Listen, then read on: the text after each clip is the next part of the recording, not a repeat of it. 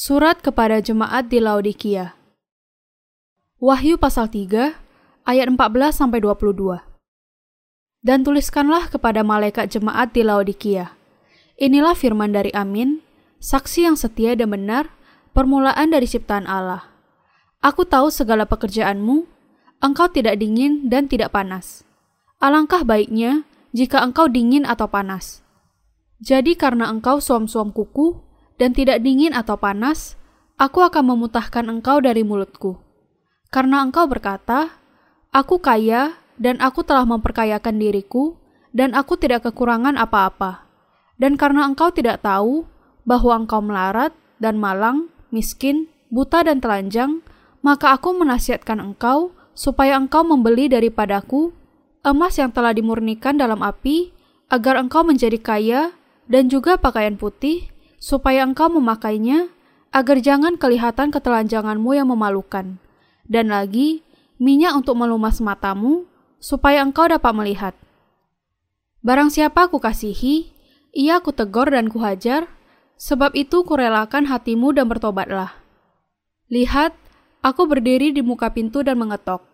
Jikalau ada orang yang mendengar suaraku dan membukakan pintu, aku akan masuk mendapatkannya, dan aku makan bersama-sama dengan dia, dan ia bersama-sama dengan aku. Barang siapa menang, ia akan kududukkan bersama-sama dengan aku di atas tahtaku, sebagaimana aku pun telah menang dan duduk bersama-sama dengan Bapakku di atas tahtanya. Siapa bertelinga, hendaklah ia mendengarkan apa yang dikatakan roh kepada jemaat-jemaat. Eksegese, ayat 14. Dan tuliskanlah kepada malaikat jemaat di Laodikia Inilah firman dari Amin, saksi yang setia dan benar, permulaan dari ciptaan Allah. Tuhan kita datang ke dunia ini dan taat kepada Allah Bapa sampai mati untuk menggenapi kehendak Allah. Dengan kata lain, ia mentaati semua perintah dengan kata amin kalau memang itu adalah kehendak Allah. Tuhan kita adalah hamba yang setia dari kerajaan Allah Bapa dan saksi yang benar yang menyaksikan mengenai dirinya sendiri sebagai anak Allah dan juru selamat. Tuhan kita adalah Allah atas semua ciptaan sejak mulanya. Ayat 15 Aku tahu segala pekerjaanmu. Engkau tidak dingin dan tidak panas. Alangkah baiknya jika engkau dingin atau panas. Allah menegur pelayan jemaat di Laodikia karena imannya yang suam-suam ini.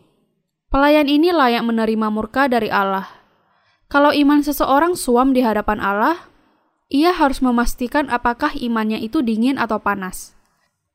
Iman yang dituntut Allah dari kita adalah jelas sekali disebutkan sebagai iman yang dingin atau sekalian yang panas. Inilah iman yang jelas yang juga menjadi syarat mutlak untuk bisa percaya kepada Injil air dan roh. Ketika berbicara mengenai percaya kepada Allah, ada dua macam orang percaya.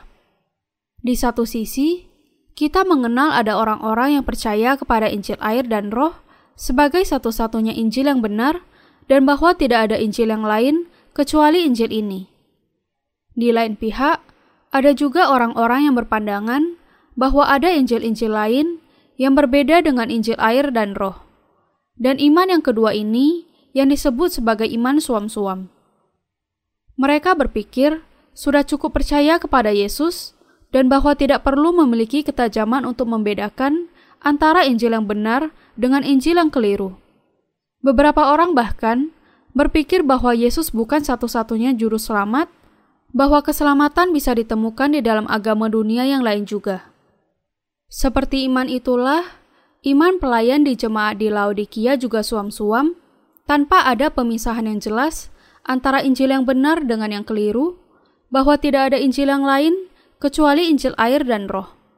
Inilah sebabnya pelayan ini membuat Allah murka kepadanya.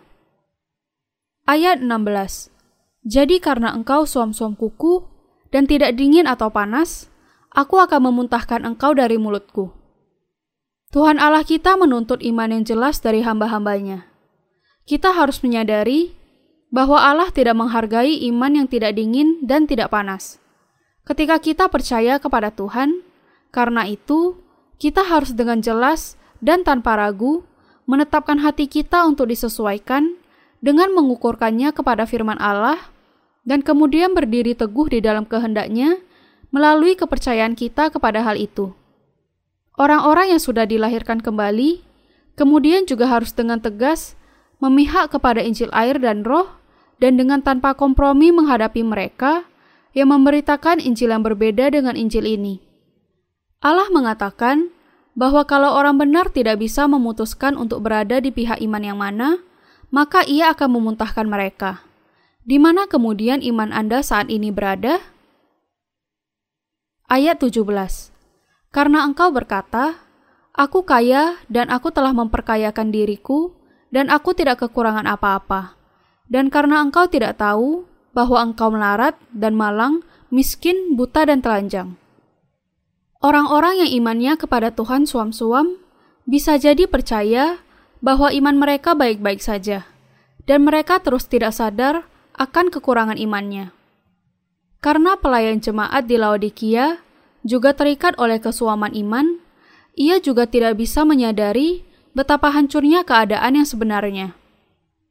Untuk bisa memiliki iman yang jelas dan pasti, oleh karena itu, ia perlu menghadapi pencobaan dan penganiayaan untuk kebenaran dan menjalani perjuangan iman melawan para pendusta.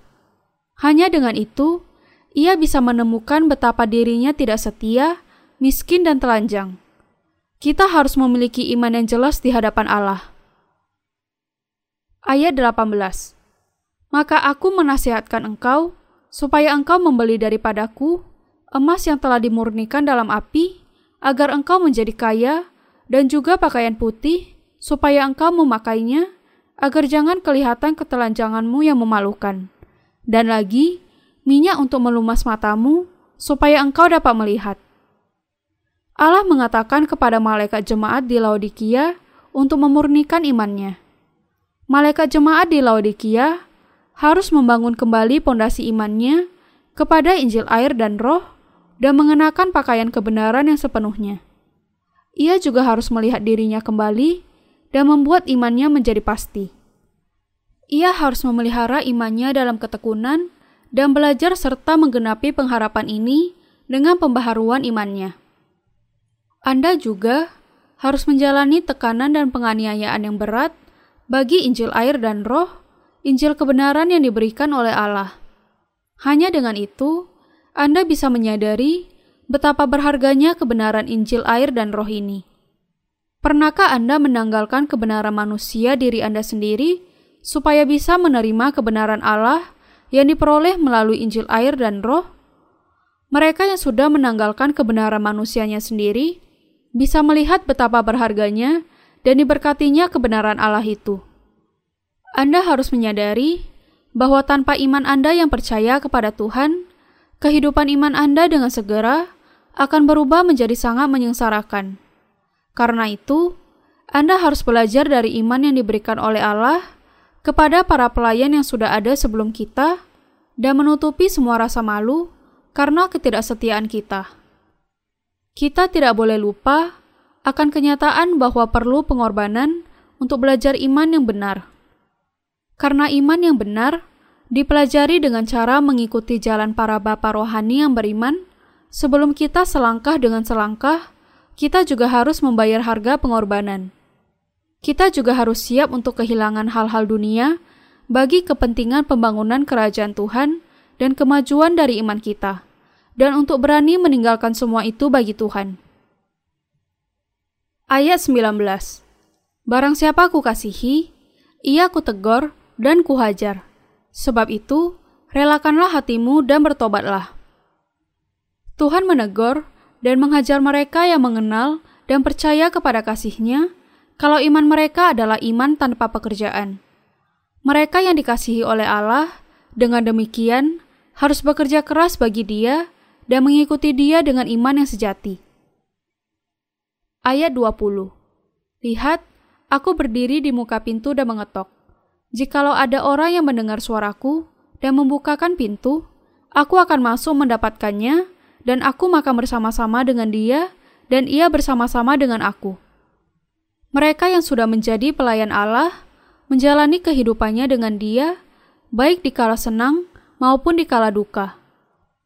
Mereka yang bekerja bagi Tuhan menjalani kehidupannya dengan senantiasa percaya kepada firman Allah dan melalui iman mereka, Tuhan kita senantiasa menggenapi segala karyanya.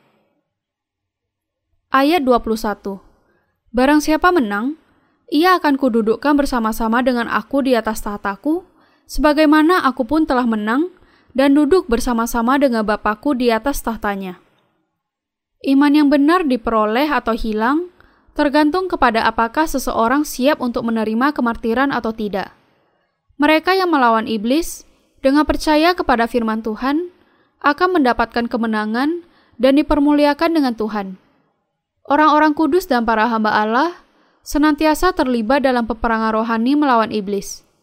Dalam peperangan rohani ini, mereka selalu bisa menang dengan percaya kepada firman Tuhan. Mereka yang menang dalam peperangan rohani melawan iblis akan dipermuliakan bersama dengan Tuhan. Ayat 22 Siapa bertelinga, hendaklah ia mendengarkan apa yang dikatakan roh kepada jemaat-jemaat. Orang-orang kudus harus senantiasa mendengarkan suara Allah dan mengikuti pimpinan roh kudus. Kalau mereka melakukan hal itu, iman mereka akan menjadi iman yang hidup oleh iman, dan kemenangan rohani akan senantiasa menjadi milik mereka.